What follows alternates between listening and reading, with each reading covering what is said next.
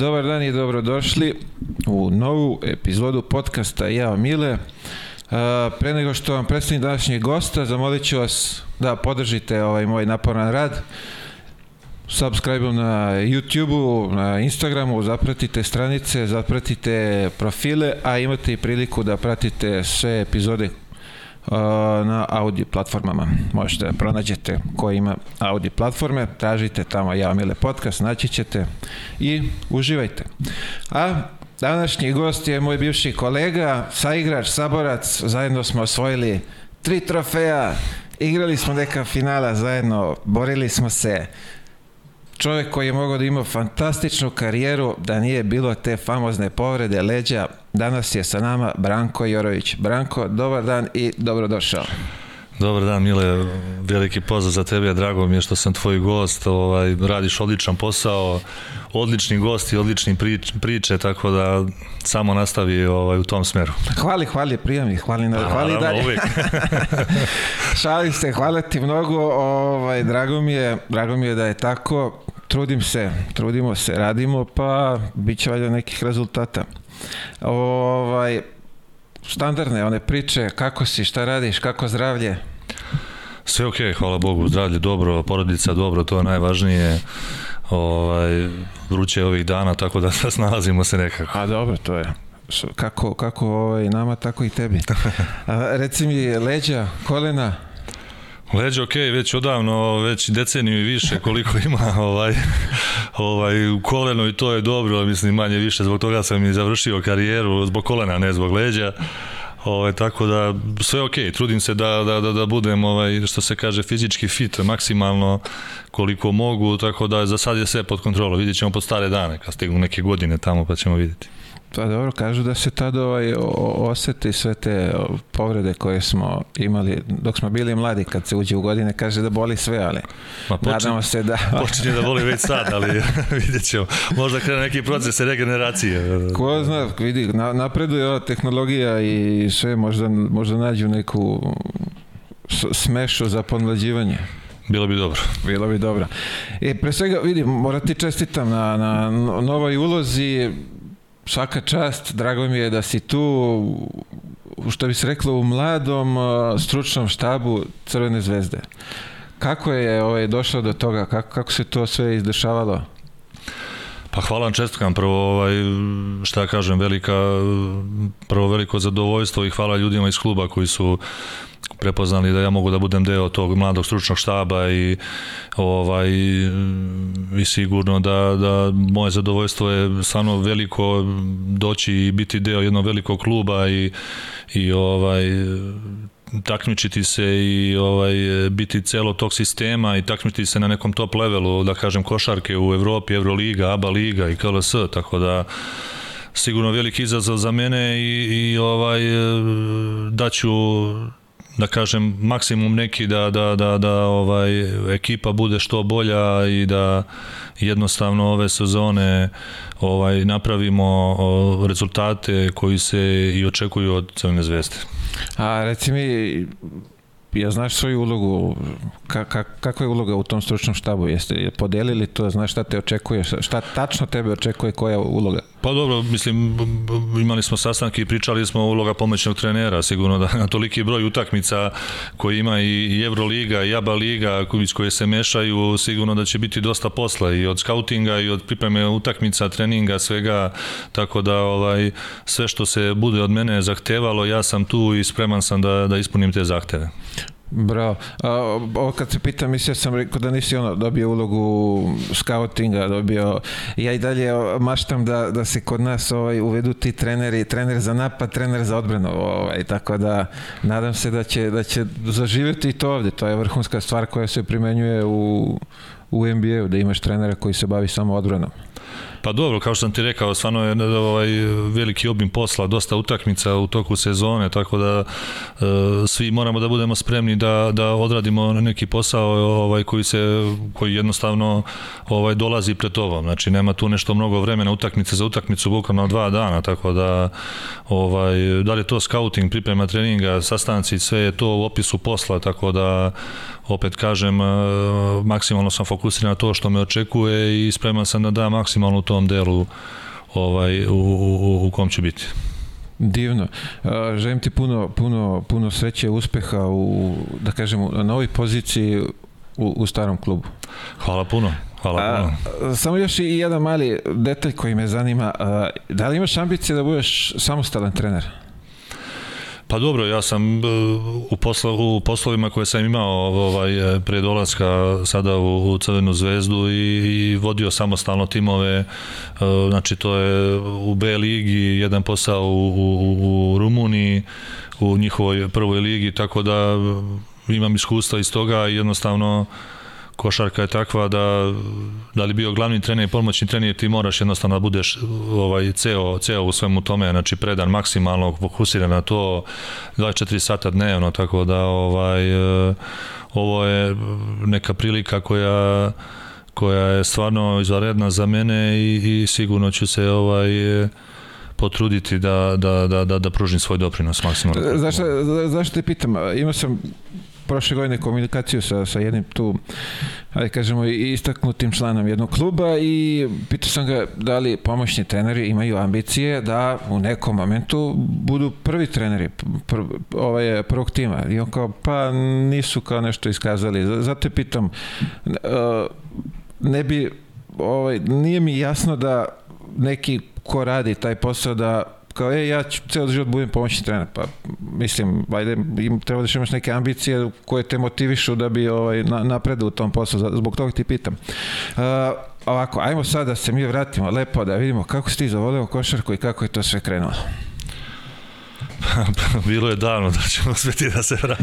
Ovaj, pa ništa, ja, što se tiče mojih nekih, nekih košarkaških početaka, to je sasvim onako bilo, ovaj, da kažem, slučajno i ja sam relativno i kasno počeo da treniram košarku. Uzeš i u obzir sadašnje generacije koje počinju da treniraju već u školama košarke 6-7 godina.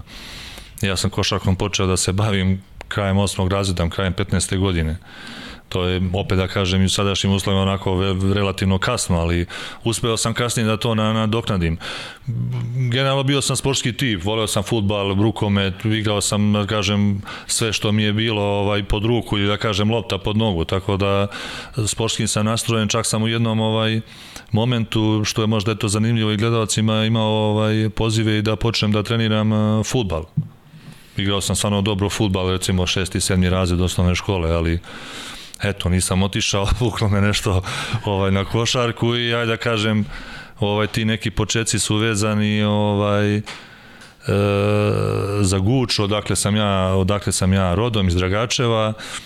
I to je generalno prve dve godine, prva godina i druga godina srednje škole, onako da kažem, bilo na nekom onako slabijem nivou, par treninga nedeljno, koliko stigneš od obaveza, od škole, te kasnije dolaskom u Čačko, Čačak u ovaj, treći razred srednje škole, to je da kažem tek počelo tada, možda da kažem moja 17. 18. godina, da, da počinjem da se bavim e, da kažem onako ozbiljnije, profesionalnije mislim šta to znači, svaki dan trening ideš u školu, dolaziš e, kad si druga smena dolaziš i pre podne i posle podne, tako da to je da kažem nekih prvi par godina što se tiče jel, mene i košarke. Je to moment kad si ono, odlučio to je moj poziv. Pa sigurno jeste, slušaj, nije, nije, nije, nije lako ni preći, ovaj, da kažem, iz nekog malog mesta, iz, iz sela odakle sam ja, ovaj, gde sam živeo, pređeš u neki grad, ovaj, e, gde je sve to ozbiljnije, i život, i škola, i treninzi, i jednostavno dođeš tu i shvatiš da, ono, imaš opciju da uvek možeš da se vratiš. To je, mislim, najlakše ali nekako u mom karakteru, u moje prirodi je bilo to da sam uvek e, bio fajter, uvek gledao napred i ovaj, jednostavno kad sam došao tu, možda mesec dana mi je trebalo da vidim gde, šta, kako, jednostavno ono, cepaš dalje, guraš dalje sve šta treba da uradiš da bi došao do nekog nivoa, ovaj da, da, da ideš ideš što više možeš na neki nivo. Uh, ajde dobro, kasnije si krenuo sa sa trenizima, ali pretpostavljam imao si neku maštu šta bi voleo ajde ovako, pošto si kasno počeo, jesi imao maštu pre toga šta bi volio da budeš u životu i kad si počeo košarku šta bi volio u košarci da, da, da, da dostigneš?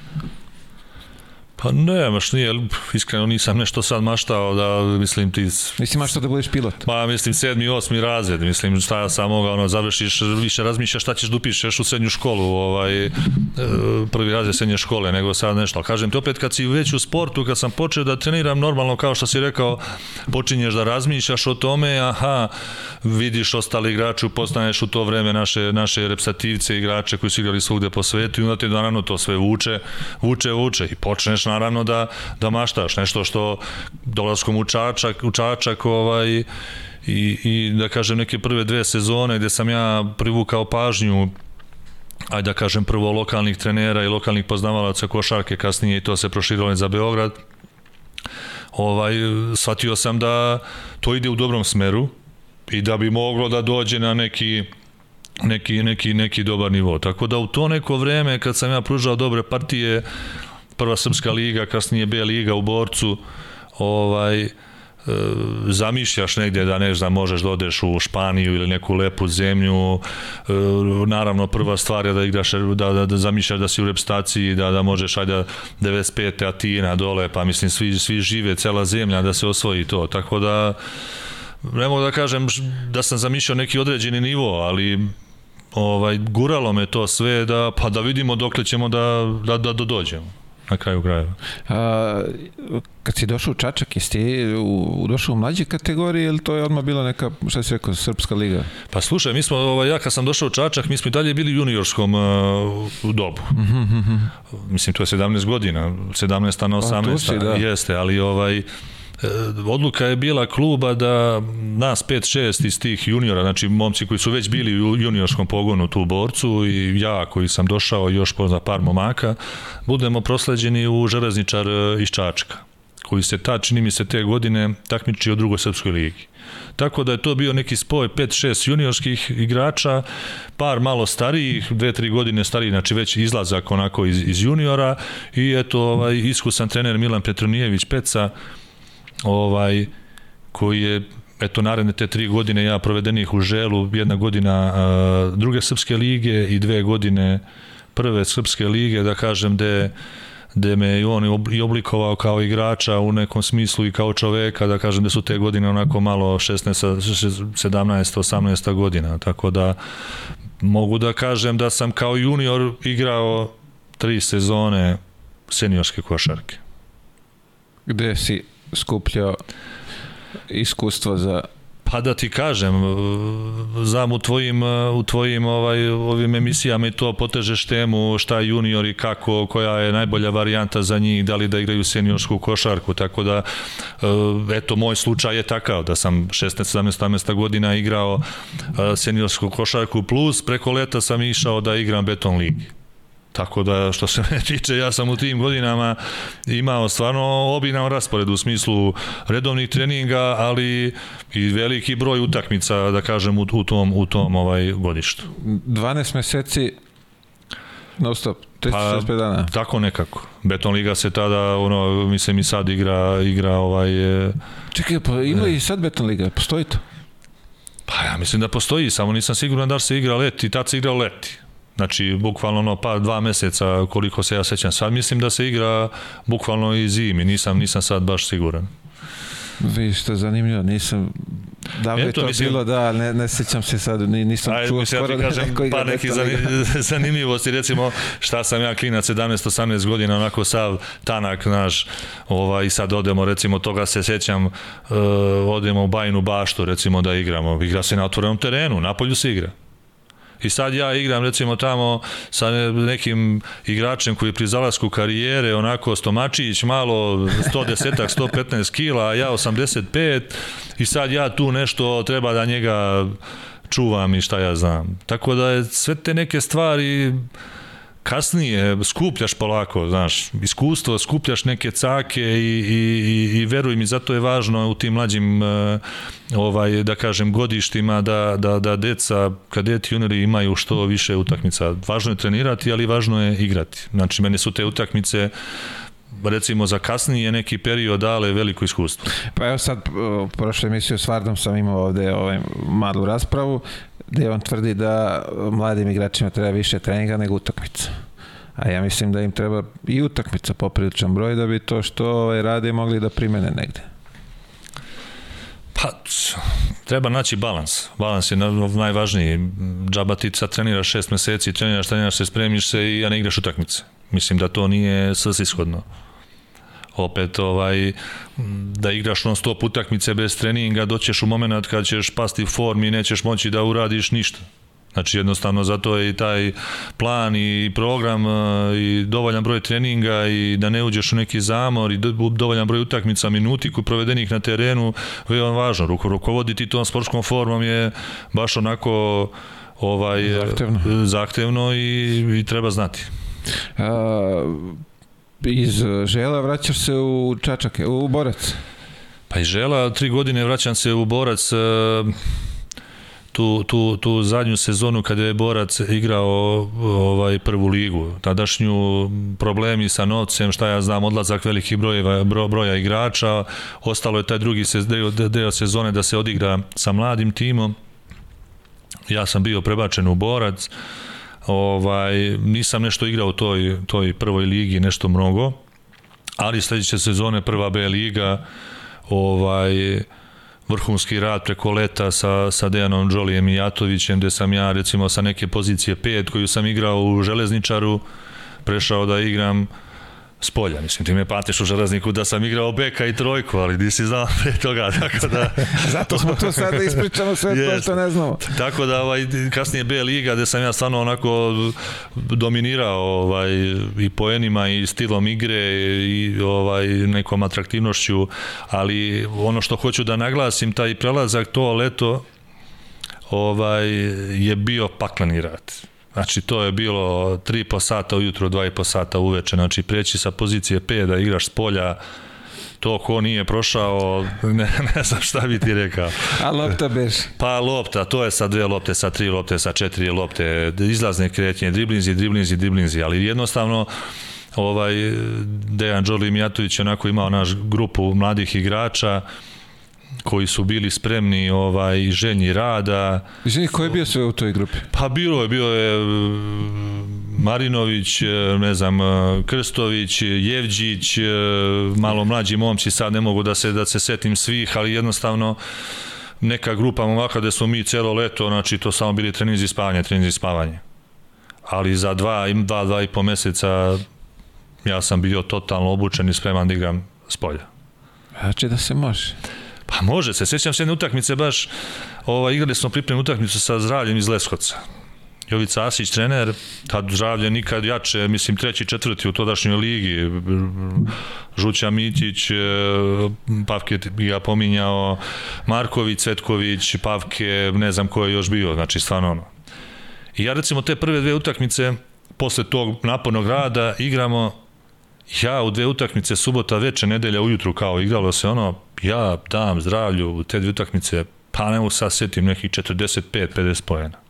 To je bilo neverovatno, ljudi nisu verovali šta sam ja uradio, šta je trener uradio sa mnom i, i, i kako sam se ja transformisao iz, sa pozicije 5 da igram bek. Pa ja radio samo ono što sam na treninzima naučio. Primenjivo si ta dva jest, meseca? Jest, jest. Tako da rad je mislim bitan, ali bitna utakmica da pokažeš pa to, to sve šta se naučio. Zato ti ja kažem, to što ti radiš to je super, ali tebi treba teren da, da se to što si uradio, ali ako ti igraš jednom nedeljno i ako odigraš dvije loše, pa tebe ne može ne znam kakav psiholog da te vrati u, za treću nedelju tamo, za treću utakmicu. Pa jeste, ali zato je taj kontinuitet, mora da se vežba, mora da se trenira non stop, ne možeš ti da napraviš pauze, sad kažeš, e, sad ću dve nedelje, tri, onako malo da spustim ni tam. Ne, moraš i najveće svetske zvezde, NBA, tamo vidiš, završi sezona, sto nešto utakmica, on čovek odmori malo, rade celo leto.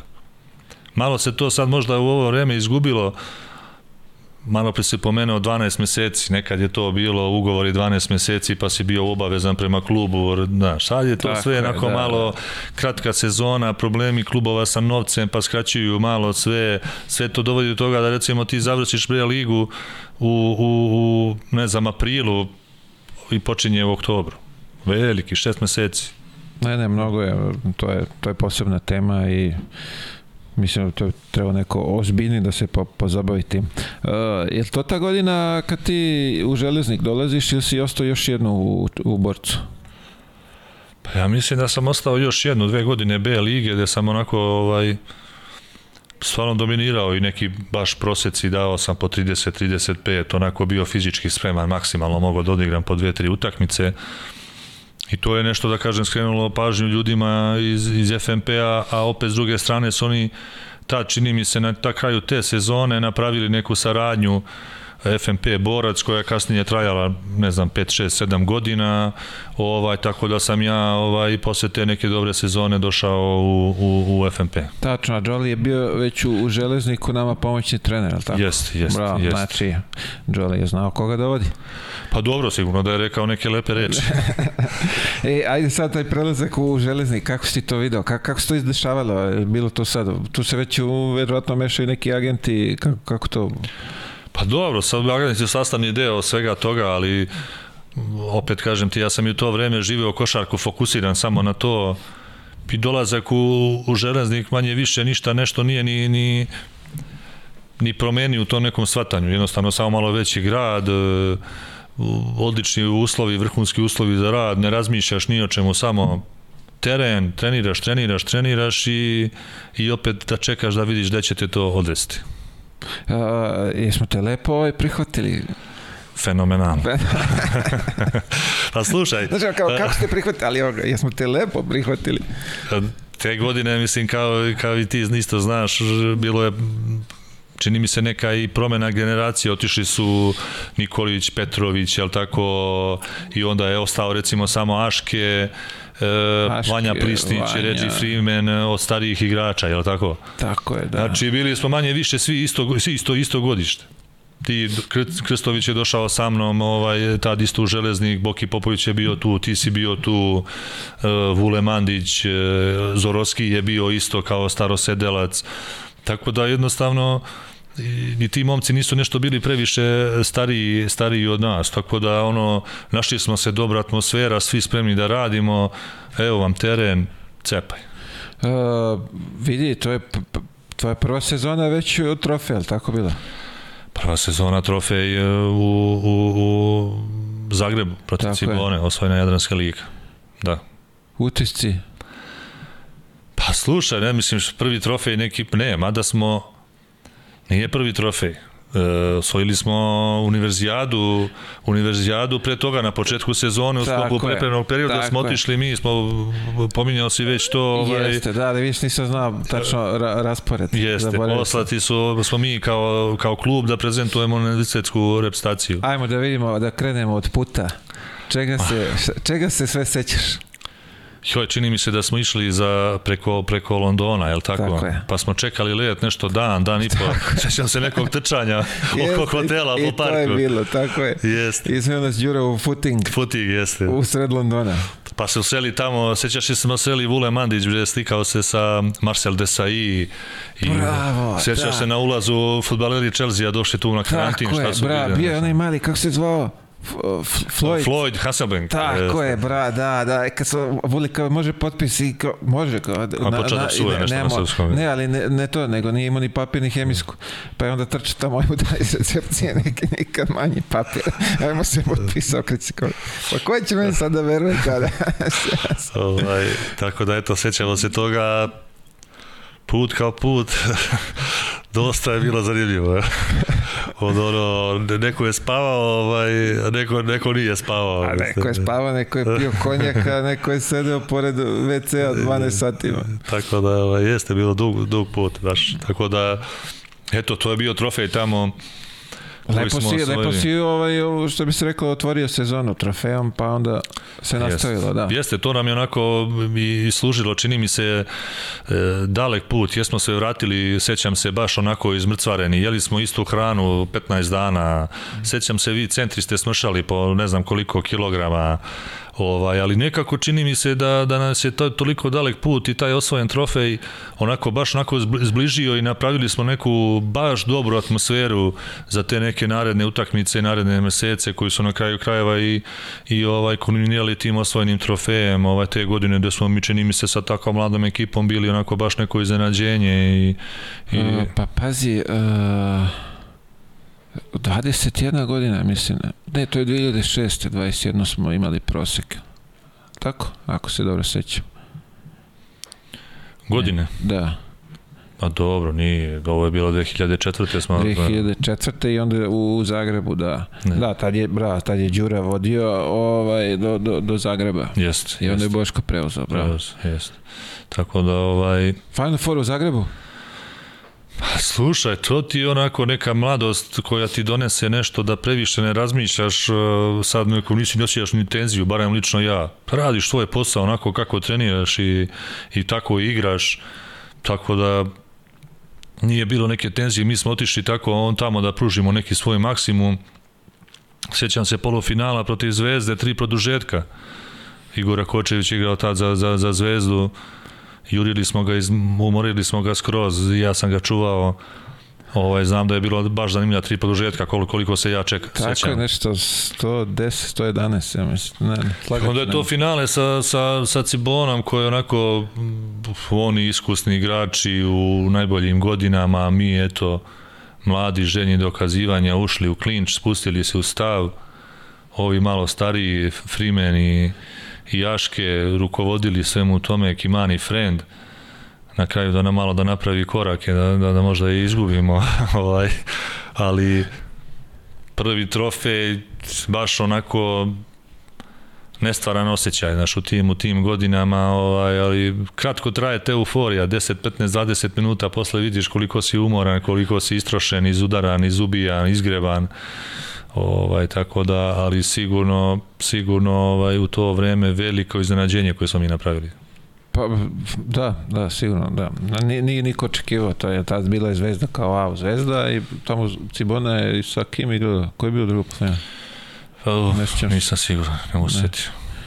Bro. Uh, posle toga 2005. sa Boškom do kupa. Pa kup smo osvojili u Vršcu, čini mi se. Tako je, finale Partizan. Finale Partizan, isto onako generacija neka Partizana, onako baš, baš jaka sa, sa, sa Milojevićem, Luka Bogdanović, Tripković, baš pre neki dan sam ne našao neku fotku iz ovaj novinski izveštaj iz tih dana. Ovaj, ali opet kažem ti, ono, mi mladi željni dokazivanja nismo respektovali nešto previše, tako da i to je to da kažem drugi trofej, kup osvojen, sećam se da sam promašio neka slobodna bacanje na kraju. Bio si rizičan, rizičan, rizičan sam, bio je uvek si, nismo ovo imali, nismo imali samopouzdanje. Ovaj, vere nešto u tvoje bacanje. Uh, ono po čemu meni će ostati to finale u Sarajevu sa tobom, da si ti izgubio prsten na terenu. Oni su ti dali prsten, ti prsten. Kako, kako se, ajde objasni mi, kako si, skoro sam pričao... Ajde da pričamo o nekim lepim stvarima. Ne, samo mi objasni kako ljudi ste uročili prsten. Pa ne znam, svi smo dobili te prstene, znaš, oni na to ti daju taj prsten u onoj kutici koja je otvorena, znaš. Međutim, ta neka zakačkica mala koja je ono prsten, ono da ga okačiš tako, bukvalno ono, da li je postojala ili nije, jednostavno ta gužva, dosta ljudi na terenu, odmah novinari te tu ovaj dolaze, pitaju te pitanja, u jednom trenutku ja onako umesto da zatvorim tu tu ovaj kutijicu, ono ja pogledam nema prstena, to je negde odletelo, to je gužvi. Nema šanse da ga nađeš. Ali je to ovaj poznata priča da ovaj onako da ja je to stalno i, i kažem Davor Davor Istović mi je ovaj poklonio svoj, svoj prsten koji on dobio, tako da imam ga, posjedujem ga i dan danas kući, tako da je to neka onako zanimljiva stvar koja nije baš po mene lepa, ali dešava se. A dobro, drugi su te ovaj ispoštovali. Pa eto, svaka čast. Zasluženo. ovaj, šta, sećaš se nešto, čega se sećaš sa, sa tog Final Eight, ali tako? Čini mi se Final Eight da je tako bio. Tako je, da. Pa slušaj, sećam se finala utakmice gde sam ja sa svojih 95 kila možda u to vreme trebao da se da se borim i tučem sa, sa Šuputom i sa Deki Milović. Znači, tu u finale sam ja bio izubijan, znači, neverovatno. Stvarno utakmica onako gde su oni stvarno njih dvojica fajteri na tim pozicijama koje sam ja igrao, Šupu 3, Deki 4, ovaj, ali jednostavno pravi profesionalci gde smo mi na terenu ginuli za, za, za klub, ali, ali ovaj, završi se utakmica, pružiš ruku maksimalno, maksimalno, eto, sećam se da sam stvarno bio dobro izubijan, ali dobro. Dobro, nisu oni, da, da, pogotovo neki šupotnika nisu igrali mekanu košarku. Pa normalno. Ali bilo opet, u, u kosku. Pa jeste, ali opet ti kaže, moje je bilo da im se ja suprostavim sa 10 kila ili 15 e, manje na neki najbolji mogući način i da ih smanjim njihov učinak na neku ovaj najmanju moguću meru. Tako da ovaj dobro finale koliko se sećam onako pravo pravo finale dobra jaka utakmica muška ovaj da je to u punoj Skenderiji čini mi se da je domaća publika onako bila nama naklonjena ovaj To je zahvaljujući Raši, on, pa, je, Raši, on ih je podmitio nekim maj, majicama, nešto jest. im je podelio. Pa je, Tako ovaj... da, eto, ovaj, dobili smo, čini mi se, u, u, u dve godine dva finala Partizana u, u Tako je, u, godinu pre kup osvojili, Vršac, da. jeste, jeste, tako da, eto, to, co tu kažeš, tri trofeja smo osvojili Za ove vrednije ove titule tu nikad yes. nismo mogli da primirišemo, to je... A dobro. pa dobro, nije dobro. ovaj, kako se, evo gledaj ovako sad, 2006. idealno se završila sve, po, ajde kažemo i po tebe i po nas, po ekipu, po klub, sve dolazi poziv za reprezentaciju. Svetsko prvenstvo pripreme za Japan. To je ono kao pozitivni deo 2006. I idemo, je li tako, gde beše Singapur? Pa dobro, išli smo na neki turnir pred, možda 7 dana pred početak e, početka prvenstva ovaj, svetskog ali pre toga sam ja malo, ajde da se vratim prvo, mislim kao što si rekao, e, odlična sezona i sve i poziv na reprezentaciju, sve to išlo u svom u svom nekom nekom smeru maksimalnom i interesovanja nekih klubova, ovaj sve to ide onako nešto vrhunski poziv za reprezentaciju što je meni u tom momentu bilo vrh vrhova da kažem ne, neko, nekog mog bavljenja košarkom. Ali eto malo neki splet okolnosti te povrede sve se okrenulo na neku negativnu negativnu stranu e, kad dolazi do te povrede, ja se tačno i ne sećam. Mi smo bili zajedno, ali ja nemam, po, podsjeti me, kako se to izdešavalo? Šta je, pa slušaj, to je neki onako splet okolnosti di malo po malo ja sam te pripreme sa reprezentacijom odradio vrhunski, mislim, bio sam spreman fizički, ali jednostavno možda malo i to nekog prethodnog napornog rada, malo genetika, počeo sam malo da, da, da, da ovaj, u toku priprema osjećam te neke probleme sa, sa leđima koji nisu bili neke, da kažem, ozbiljne prirode. Neki turnir, čini mi se, smo igrali u Španiji, pripremi Valencija, nešto isto onako malo sam osjetio neki bol, čini mi se da igrali sam protiv Kine. Ali sve se to na kraju sredi, misliš, To je to. Kao, to je okay. to, baš normalno neki prolazne stvari, međutim, ovaj, pomenuo si Singapur, sleteli tamo, igrali protiv Slovenije, pripremnu utakmicu, ja neku kontru polaganje, doskočiš onako malo i tu je, tu je me onako baš steglo da de, de, de se videlo da će to da, da bude onako ozbiljan, ozbiljan problem. Ja se sećam, ja se sećam tebe na, na krevetu, ležiš, ovaj, terapiju si radio, a ovamo na leđima, to, to je ovakav neki otok bio, nisam mogu da verujem, ono, imao si tri dupeta na leđima.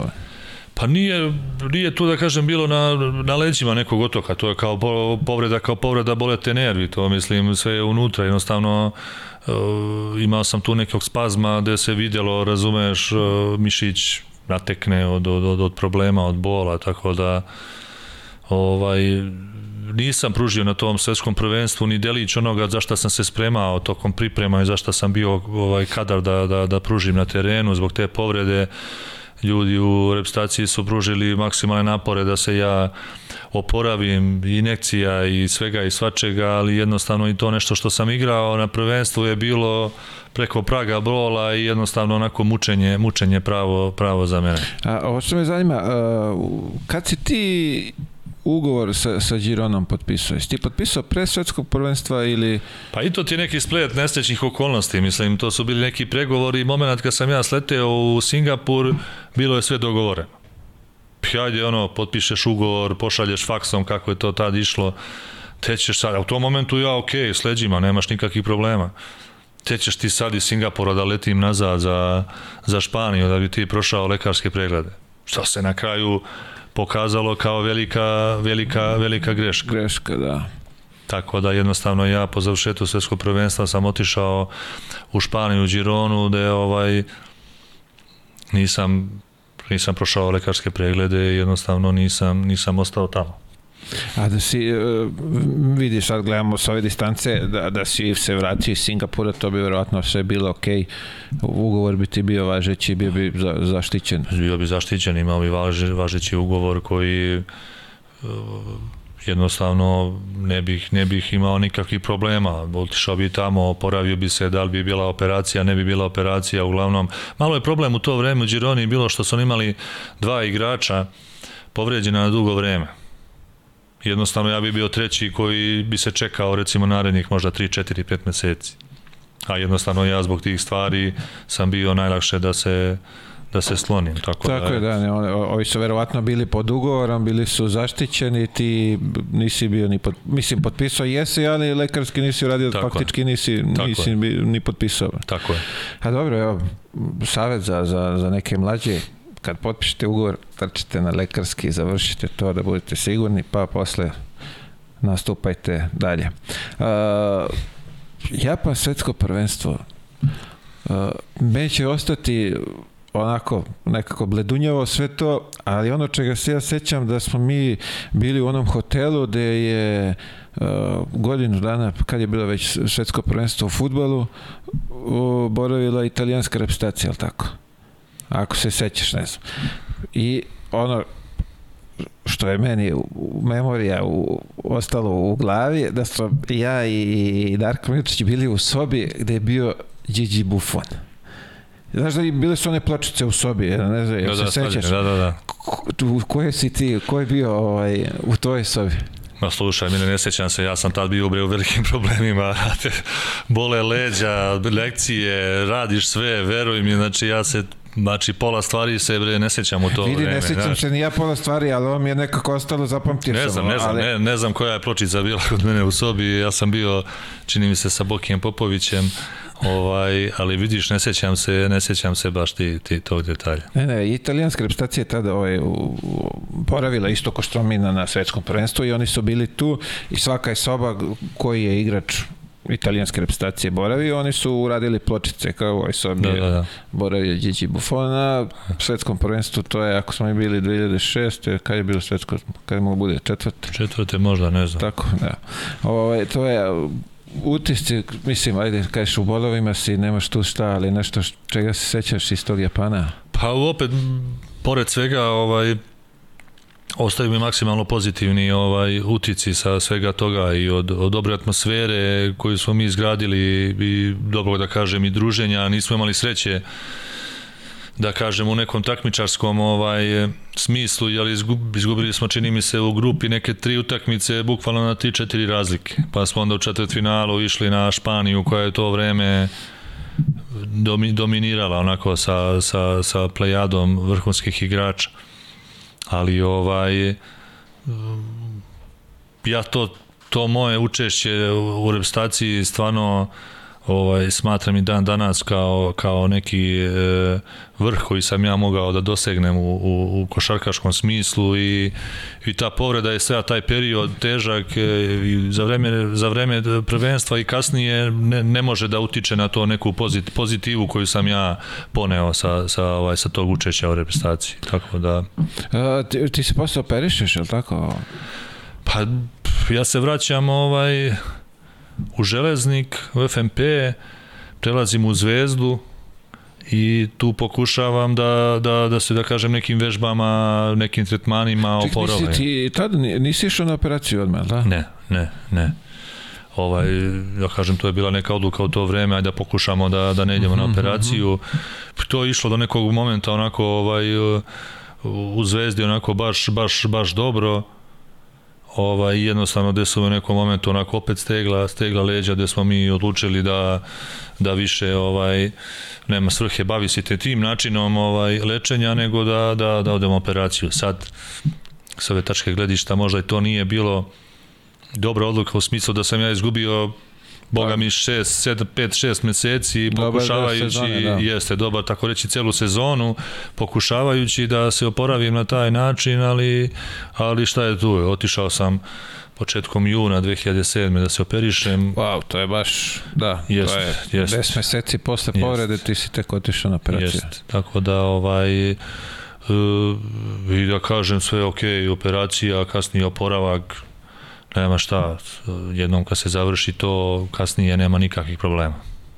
A, posle kreću, što bi rekli, inostrane karijere, ali tako ti ideš u, u Grčku u dva navrata. Pa idemo u Grčku, ovaj, prvo u Patru, nešto par meseci, koja je igrala prvu, prvu ligu ovaj, Grčke, Ovaj, kasnije sam proveo godinu i po dana u Lionsima, Swiss Lions iz Vršca, gde smo gde smo ušli ovaj te godine ovaj ušli smo u ABA ligu to je nek sledeći da kažem radnički iz Kragujevca gde su aha, oni aha, to je taj momenat kada mo, jeste aha. tako da i to mogu da da kažem na nekoj nekoj mojoj karijeri gde, gde smo napravili dobar posao mali klub ovaj da smo ušli u ABA ligu kasnije ide ovaj Kavala Grčka, Kako iskustvo nosiš iz Grčke? Kako, pa slupa, kako si... slušaj, stvarno, stvarno pozitivno, ajde ne, ne pričamo o finansijskom delu, gde ti Grčko to vreme stalno nešto ostanu, ostanu dužni, ali e, stvarno dobra ekipa, e, domaćih igrača i stranaca, Milton Palacio, nekadašnji igrač Partizana okay, okay, je bio da. dole, Trener mi je bio Dimitris Pivtis, koji je do skora bio trener Panatenikosa i Uniksa iz Kazanja. Onako baš neka dobra, dobar tim, dobra atmosfera, dobro smo igrali, čini mi se četvrt finalu ispali od Paoka u play-offu i dobra sezona za mene, onako da se vratim na neku scenu i posle toga ovaj idem eh, Nemačka. Kako je to gore izgledalo? to je onako sredina neka tabele, taj klub nije... Pa slušaj, to vreme Braunschweig onako u nekom, u nekom ovaj, povoju, dobrom ritmu, uh, i tu smo igrali, ušli među, među ovaj, osam ekipa, uh, isto u četvrtfinalu ovaj, smo izgubili, ispali smo od Ulma, koji je u tadašnje vreme onako bila dobra ekipa, a recimo ono, igrali smo Final Four uh, njihovog kupa. Tako da opet sa te neke strane solidna, ovaj, rezultat. solidna ekipa, eto nešto što je zanimljivo da kažem da, da gledalci ovaj, mogu da vide u to vreme kad sam ja bio u Braunschweigu, u timu su bili kao mladi momci Daniel Tajs koji je igrao u Bostonu, u Chicagu, mislim da je sad u Indijani, čini mi se, i ovaj Dennis Schroeder koji je koji je ovaj isto bio i u da, Lakersima da, da, da, da, i u Atlanti, tako da oni su tada, kažem, bili mladi momci koji su bili priključeni prvom timu da, da treniraju sa nama. Znači ti si ih o, o, pripremao za Ameriku? Pa, valjda su uzeli par nekih stvari od mene. Kako se svidio taj život u Nemačkoj? Iskustva, kako, kako to izgleda? Ajde, ti si bio tamo, živio si godinu dana. Pa slušaj, ovde šta jednostavno, ja sam otišao u Nemačku, rekao sam agentu u to, u to vreme, uh, uh, slušaj, nađi mi samo negde gde više neću da razmišljam o, o, o novcu i o dugovanjima i o jurnjavi za nekim nenaplaćenim platama i šta ja znam. Znači mi samo negde, znači nije bitan novac. svakog prvog... Samo da ne razmišljam, mislim, o, o, o tim stvarima. Tako da, otišao sam tamo, život u Nemačkoj, sve pod konac, sve na vreme, sve organizovano, sve super, odlični uslovi. I bio sam i blizu da ostanem tamo. Trebao sam sa trenerom koji mi je tada, tadašnji bio u Braunschweig, on je otišao u Oldenburg. Trebao sam da pređem tamo i da sam prešao čini mi se da bih i do kraja karijere ostao u Nemačkoj, ali eto, sticajem nekih okolnosti, brojem stranaca koji je dozvoljen u ligi, nisam, nije moglo da se otvori mesto za mene, tako da ovaj, vratio sam se iz Nemačke i Gokeja. A, sad hoćete pitam, uh, ok, ima naših mnogo tamo koji su ono, odu u Nemačku i završe, ostanu sve, ali smatraš da, da si tu možda pogrešio što nisi ajde u nekom tom klubu ili možda istog ranga da, da si ostao da... Pa nije zavisio od mene.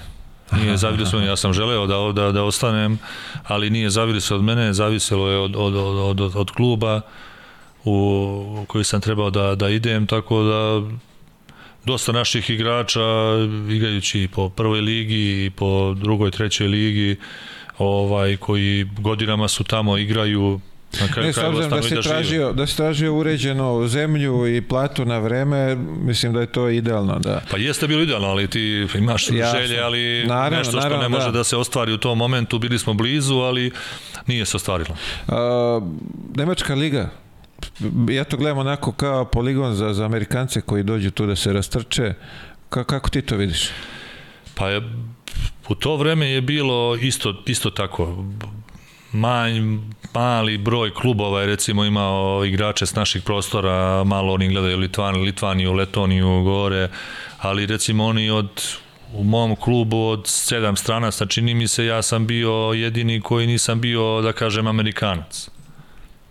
Tako da ovaj domaći igrači i oni imaju takav neki sistem da da da da, da, vole da, da, da Amerikanci da igraju. Ja mislim da je to dan danas onako Ovaj kad bi Pa dobro, kapiram da je ovaj malo boljim, ovaj lupam četiri, četiri bolje ekip tima da nije da nije baš samo ovaj, pa nije, da je uređenije, organizovanije. Pa jeste, ali opet kažem nije to sad nešto, sve su to i momci koji dolaze i, i dobri momci, barem i mog slučaja igrajući u Braunschweigu, stvarno su bili kvalitetni igrači i dobra atmosfera. Recimo bio je Emanuel McEnroy koji je bio kapiten Albe, 4-5 godina bio u Albe, bio je Lamar Grier koji je bio koji je bio isto u Nemačkoj ovaj, i po, po Izraelu igrao. E, tako da imalo je tu dosta igrača, ovaj, ali eto, to je njihov sistem, e, dođeš, prihvatiš, navikneš se i Teraj dalje. I cere, teraj dalje. A, konačno, posle Nemačke, negde da si našao neki kontinuitet, tri godine. Tri godine Gokeja, eto, došao je taj poziv, onako,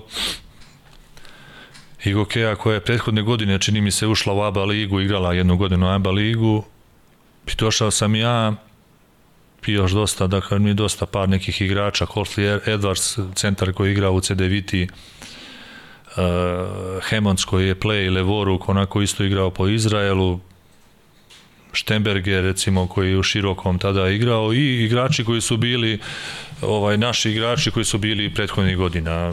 Joksimović, Dozet, Šulović, Komatina, Bocka i šta ja znam. Tako da prva ta sezona šta ti kažem, to onako ovaj, poznata po nekoj atmosferi i po tom opet uspehu nekom koje smo mi bili totalno iznenađenja. Jednostavno našli smo se tu dobra atmosfera od koje dosta stvari zavisi.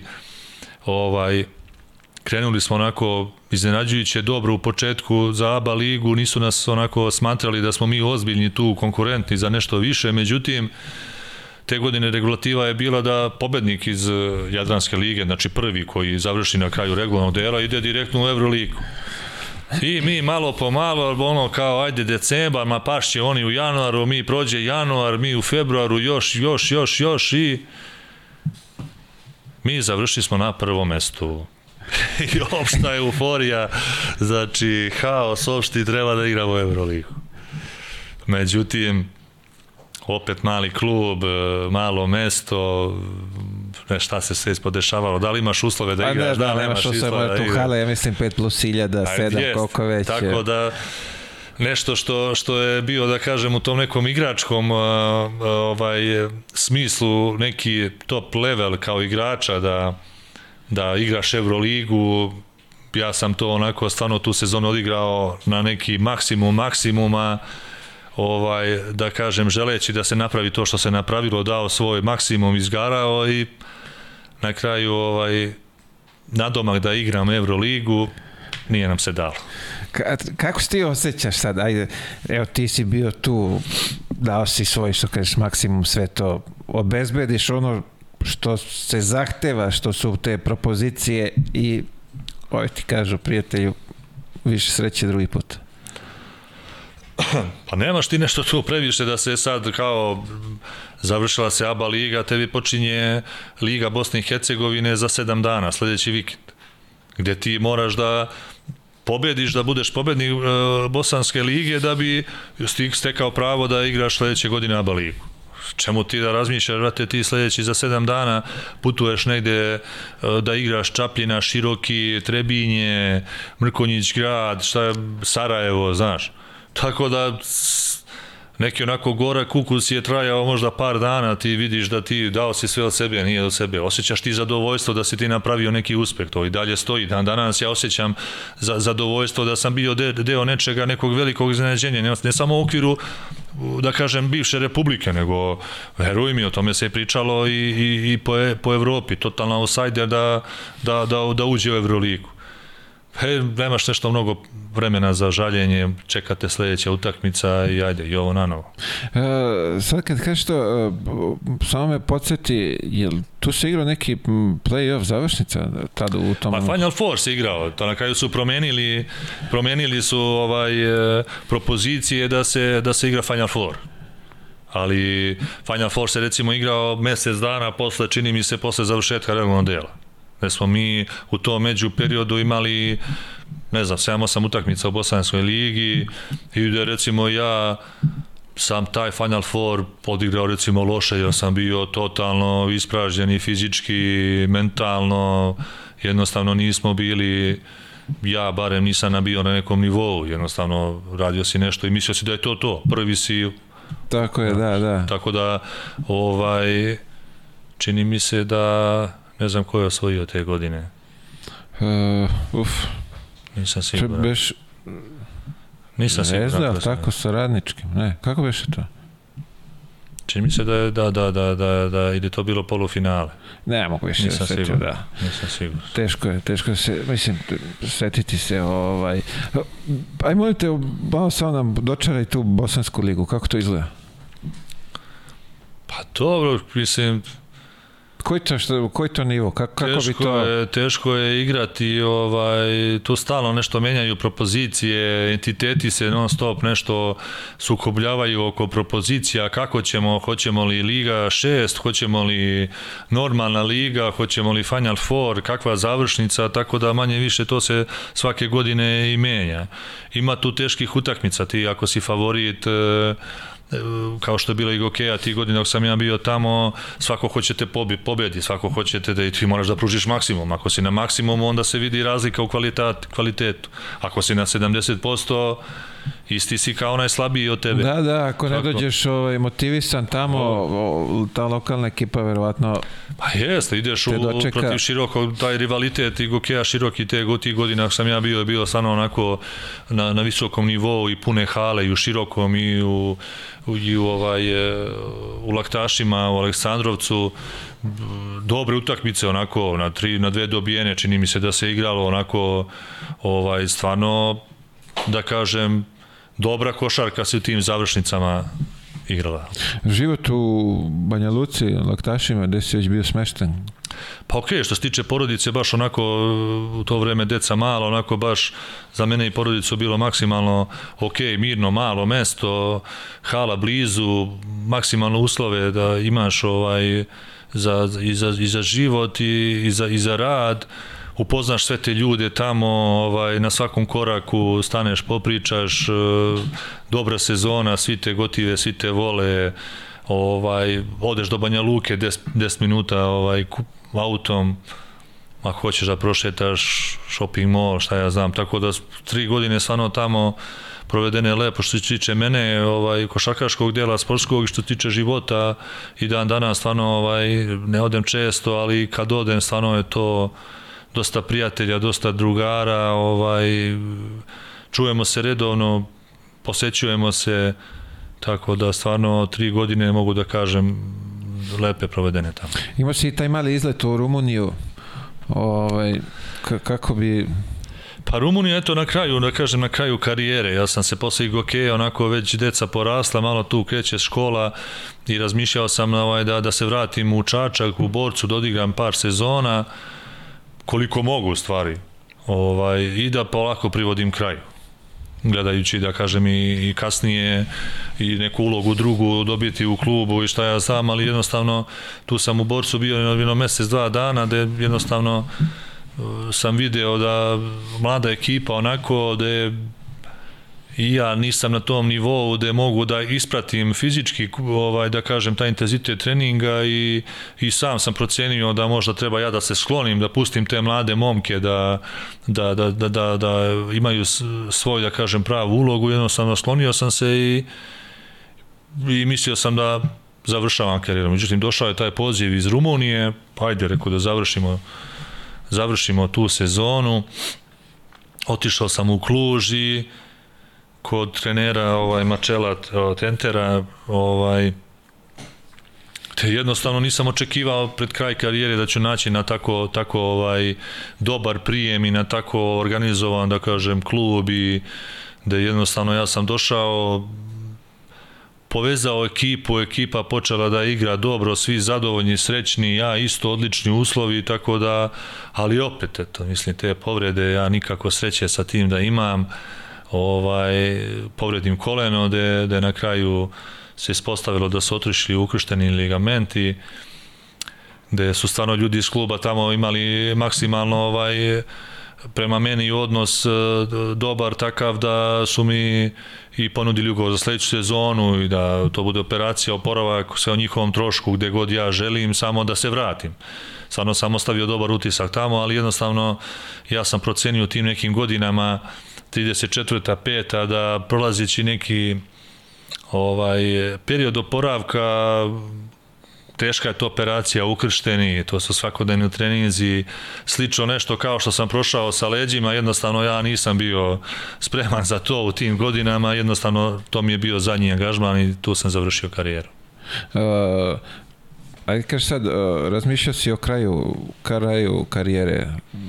U tom momentu kad razmišljaš, jesi znao šta ćeš da radiš posle kad, kad se penzioniš? Pa znao sam da ću da ostanem u košarci, to je bilo sigurno. U kom, u kom svojstvu nisam bio siguran, mislim sigurno. Znao sam da ću da se bavim trenerskim poslom, jer sarađujući sa dosta dobrih vrhunskih trenera i ovaj e,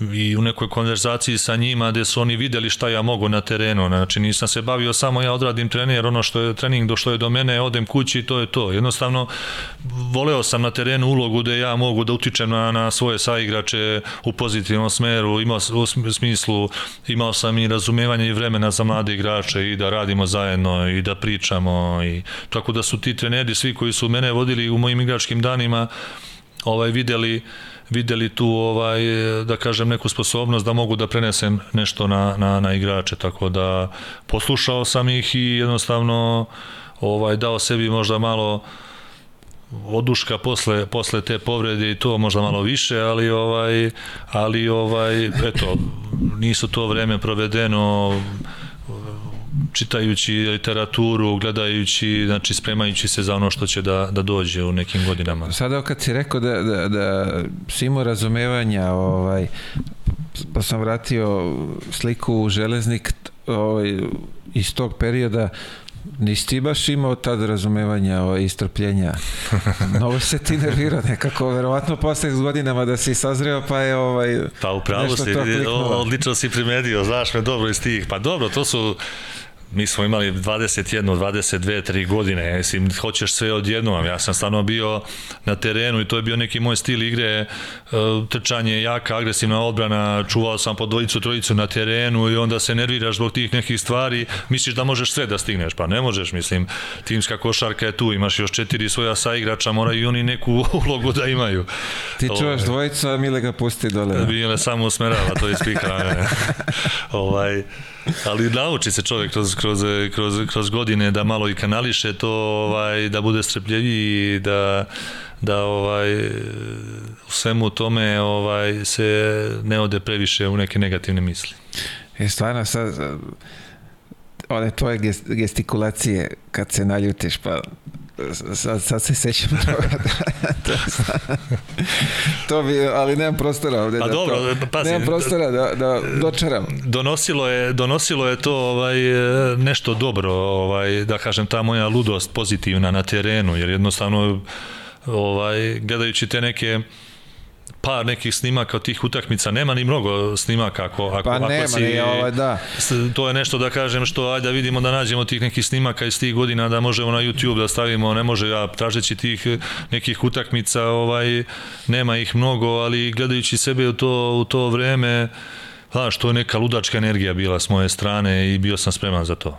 Ja isto, ja isto, toliko energije. Kad vidim tebe koliko ti energije, ja onda dole niko nije mogu prođe Dobro, igrali smo dobro, pick and roll, odbranu, dobro, sve to bilo, nismo primali koševe. Fantastično. Sad smo bili prvaci. Pa da. Pa, realno. uh, najteži moment. Pa, Mislim da smo ga spomenuli, ali... Spomenuli smo, aj, možda kažeš taj neki, ta neka povreda gde, gde ti se sruši dosta toga. Ovaj, Mislim, e, vidi, u tom momentu ti si što bi se reklo, u piku svoje karijere, sve je savršeno, ideš ugovor na, na, na, stolu potpisan, To je, to je, to je neki moment gde sve može da ti se promeni bukvalno u jednoj sekundi, jednom minutu, jednom danu, jednoj nedelji. Meni se to nažalost promenio na, na, u negativnu stranu, a da kažem, to je neki težak, težak moment u mojoj karijeri, ali opet s druge strane, eto i dalje ponavljam, nisam se mnogo bavio time, onako sam u, u karakteru svome, sam fajter, borac i jednostavno, ok, desilo se, desilo se 24-5 godina, ajde, ima još vremena pred mene, oporaviš se i kreneš dalje. Tako da nisam a se nešto sad, mnogo da, bavio. s ove distance, da si odmah otišao na operaciju kad se povredio, da li bi bilo neke razlike u... Pa bilo bi, možda bi bilo, možda ne bi bilo. Ni u to vreme u te operacije ovaj nisu baš onda kažeš bile rutinske kao, kao, kao sada. Tako da jednostavno razmišljajući u tom smeru, ajde da vidimo nekim vežbama, istezanjima, jačanjem muskulature ovaj, leđne, da vidimo da to držimo pod kontrolom. I na kraju šta bi bilo kad bi bilo, Jasno, da. Ovaj, ali kažem, ne bi, ne bi se i, i kasnije vratio na neku košarkašku ovaj, scenu, igračku, opet da kažem na nekom po meni opet nekom visokom nivou da, da sam previše razmišljao o tome. Znaš, pitaju me ljudi kako se ti preboleo, ne znam, izgubio si velike pare, milijun i po eura, šta ja znam, Mislim šta, nisam ih imao, nisam ih Tako je, e, ni- nisi- da, nisam ih si. kod sebe imao, jednostavno pomiriš se sa time i gledaš neku pozitivu, uz pomoć porodice, najbližih, supruge, ovaj sve to dođe na na svoje. Kasnije dođe prvo dete pa skroz i zaboraviš ovo, a da je, da je bilo teško, bilo je. Znači to su to je period posle operacije godinu, dve, tri, čak veruj mi, ja se ne sjećam godinu i po dana. Godinu i po dve svog života, ne sjećam se. To je baš bilo veliko opterećenje Vidi, psihično. to je psihički velika borba. Jeste, jeste. Baš, baš, borba, baš borba. je i Vratiti se na neki nivo, pazi, mislim ja nisam bio u stanju posle tolike pauze da napravim jednu izlaznu kretnju, da primim loptu i da napravim recimo dva driblinga da šutnem. Pa sad ti trebaš, bio si u jednom momentu atletski, vrhunski, gde sam mogao da odigram dve utakmice, onda dođeš u moment kad ne možeš da uradiš to nešto. E to je ta neka borba koja je bila najteža u svemu tome, da, ovaj, da, da jednostavno ti budeš trpljiv, polako, korak po korak, korak po korak i opet dođeš na neki nivo sa kojim ja opet mogu da kažem da sam zadovoljan svojom karijerom. Da, ali u tom momentu uh, pitanje je da si ti toliko zreo da, da možeš da čekaš taj korak po korak, nego daj sad, daj odmah. Pa bio sam, morao sam da budem. Nije tu bilo sad, e, ti jednostavno pratiš svoje telo.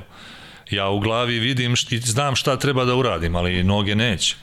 Tako da teo ne hteo, ja sam morao da budem, da budem strpljiv. Uh, pošto si, si završio trenersku ili dalje si u... Da, da, da. Ima crvena licenca, Sve. kako je uredno, kako je Sve. zovu. Uh, od trenera s kim si onako voleo da, da sarađuješ? Ko ti je, ajde da kažemo, Lego? Pa dobro, ja, ja ovaj, nije to sad neka fraza, ja sa, stvarno mogu da kažem da sam imao maksimalno korektnu saradnju sa, sa svim trenerima u mojoj karijeri.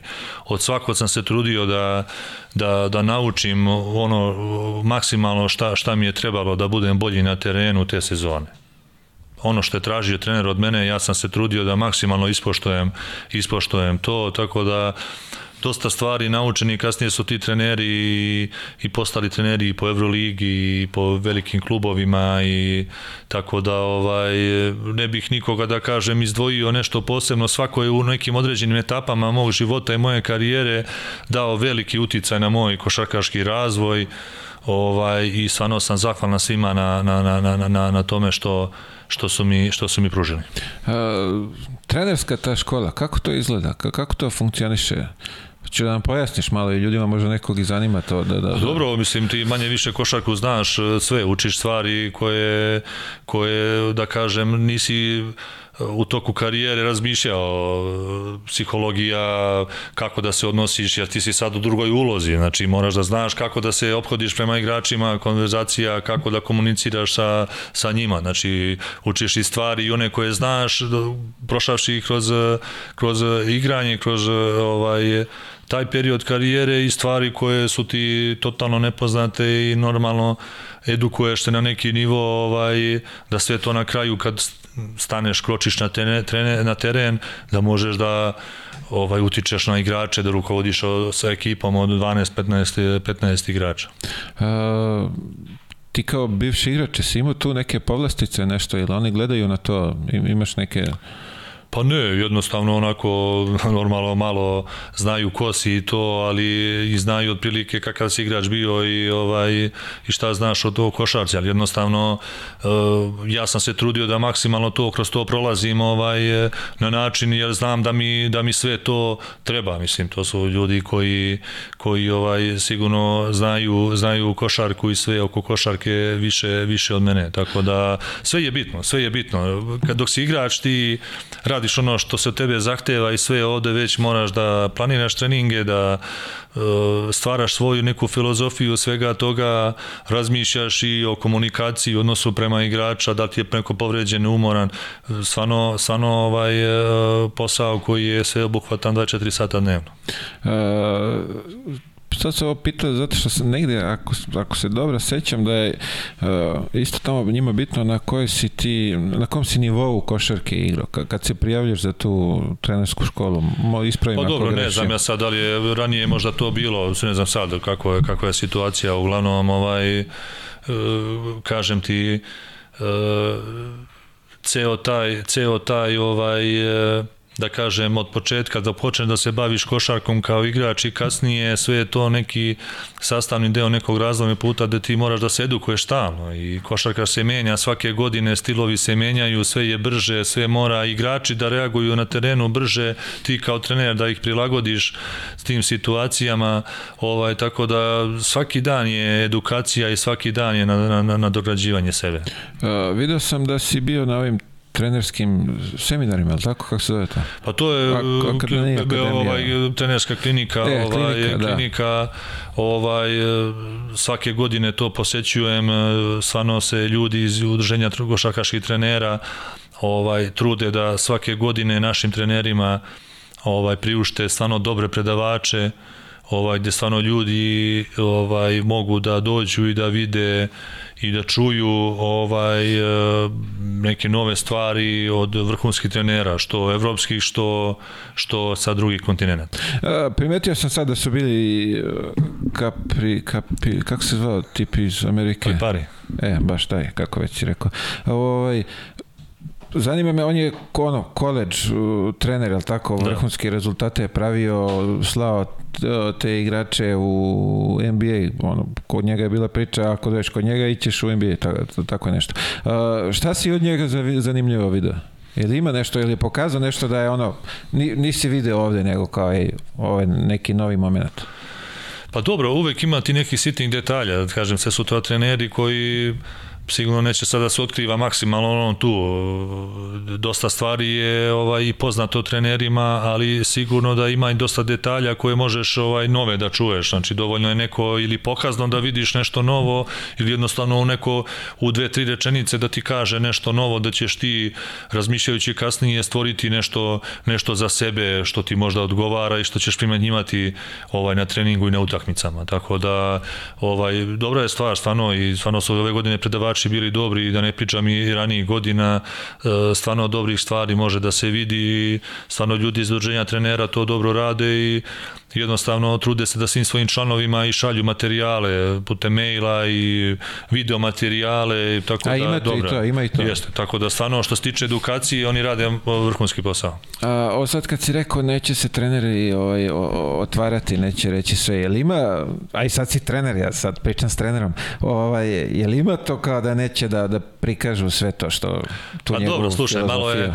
Oni su dođu tu, imaju dva predavanja ili jedno predavanje od sat i po, ne možeš ti, ti se, oni, oni stvarno se ljudi trude da u tih sat i po, sat i 45, ovaj, maksimalno nešto uproste stvari o, i da, da ono što je tema njihovog predavanja, to bude maksimalno Aha, aha. razumljivo za, za trenere koji su došli da, da gledaju. Tako da ti ljudi imaju nešto previše vremena i pokazni tim, možda ne, nije na nivou da sad oni, ne znam, neku taktiku ili nešto. Jednostavno to su stvari koje su manje više ovaj usmerene za, za obuku, savršavanje igrača i za, eto da kažem, ovaj, e, pravljenje nekih napadačkih obravnih sistema, tranzicija, i tako da neke, da kažem, stvari koje su razumljive za sve. Nadam se da si, ovaj, da ti nešto svidelo, da ćeš to primanjivati u nekoj svojoj trenerskoj karijeri.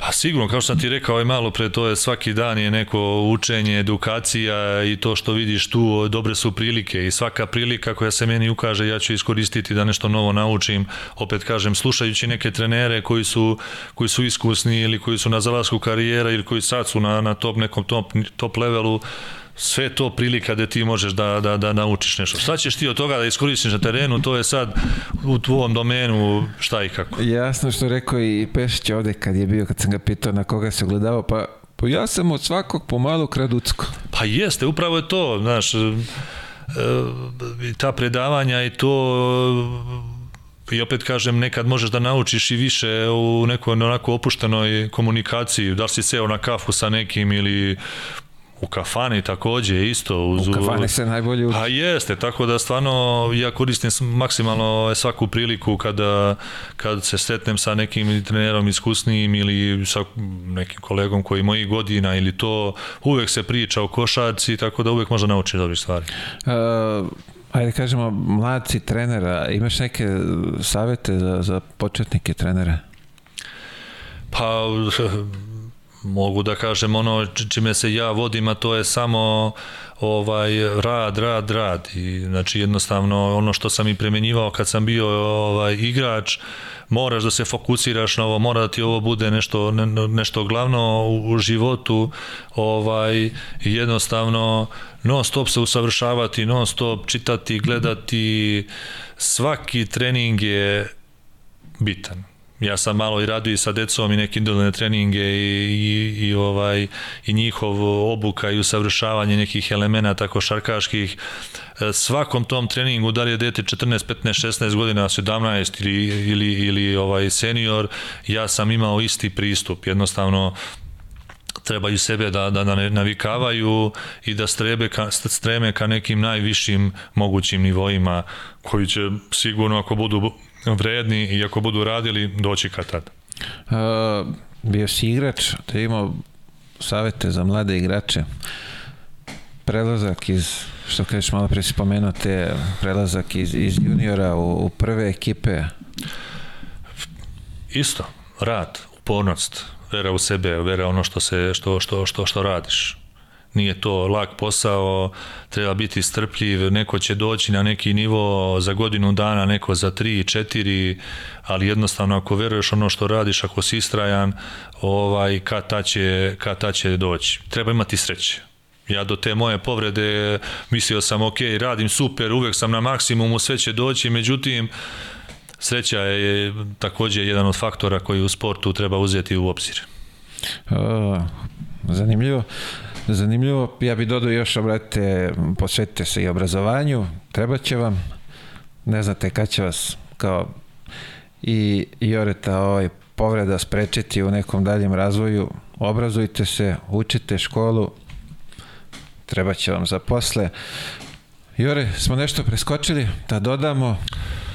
Nešto Mislim da bi vidi- mogli da pričamo ovaj dosta, ovaj proveli smo dosta godina ovaj zajedno igrajući se i hvala Bogu i sad se viđamo i družimo i to je nešto što što je što je ovaj stvarno jedna od glavnih stvari sporta da da upoznaš dosta ljudi i da ti ostanu prijatelji za ceo život. To je meni bilo veoma važno u karijeri tako da Hajde, ispričali smo, nadam se, dosta do zanimljivih stvari ovaj, što, koje će zanimati gledalca. Ovaj, ništa, zove sljedeći put, pa ćemo nešto drugo da pričamo. Uf. Da. Sad ćemo zanimljivo da pričamo sljedeći put kad smo sad sve prošli. Pa dobro, A vidi, znaš kad ću, evo ovako, evo sad se dogovorimo. Kad budeš osvojio Euroligu, imat ću čast da te ugostim. Slažem se. Evo malo pre kao, Nadam se da vidi- kao, kao, kao igrač nisam ovaj uspeo, malo mi falo, evo sada mi se stvarno pružila prilika i biću ovaj deo stručnog štaba, ovaj stvarno jednog Ne, velik- izvini da dodam, ne, ne, ne, ne, ne, kao prvi trener. Kao prvi trener, vidi sad, trajaćeš, kapiram da ćeš u nekom momentu, Bože zdravlje, preuzeti neku ekipu pa da osvojiš Euroligu, a ja se nadam da će i ovaj podcast da traje toliko da ćeš, da će ovaj imati, ja u, se, ili da ti ubrzaš to malo pa da to bude uskoro, pa kao, korak, korak po korak, tako je kod mene ovaj, tokom cele karijere, tako da je ovo izuzetna prilika za mene i korak po korak e, radimo. Važno je da tim bude dobar, da igra najbolje, da se, da se osvaja i ove, i ove sezone, ovaj, e, tako da korak po korak pa ćemo vidjeti. Ja tebi želim da podcast traje još, još, još dugo godina i posle mene kad osvojim Euroligu da traješ još, još dugo. bravo, hvala ti, čuli ste, trajećemo, trajećemo duže nego što ste planirali. Jore, hvala ti mnogo na izvojeno vremenu. Želim ti, ajde kažemo, svu sreću u ovoj debitantskoj trenerskoj sezoni, kao tebi, tako i klubu. Svako dobro, sve najbolje. Hvala i tebi na pozivu, veliki pozdrav za tvoje gledalce, eto još jednom prilikom da ih pozovemo da, da gledaju, dosta stvari mogu zanimljivi, da Tako. vide, da čuju, e, tamo pratite sve kanale od YouTube-a preko društvenih mreža, tako da... Ovaj, Čekaj, se ti ovaj, subscribe na kanal? Jesam bre. E, dobro. E, ako Ajmo se Jore sad. skrajb- subscribe možete vi da se subscribe-ujete tamo ono crveno dugmence. Pap! Da budete upućeni u dešavanja. Hvala vam mnogo. Pratite nas, pratite kanale, imate, kažemo, priliku i na audio platformama da nas slušate. Želim vam svako dobro i vidimo sledeće nedelje. Pozdrav!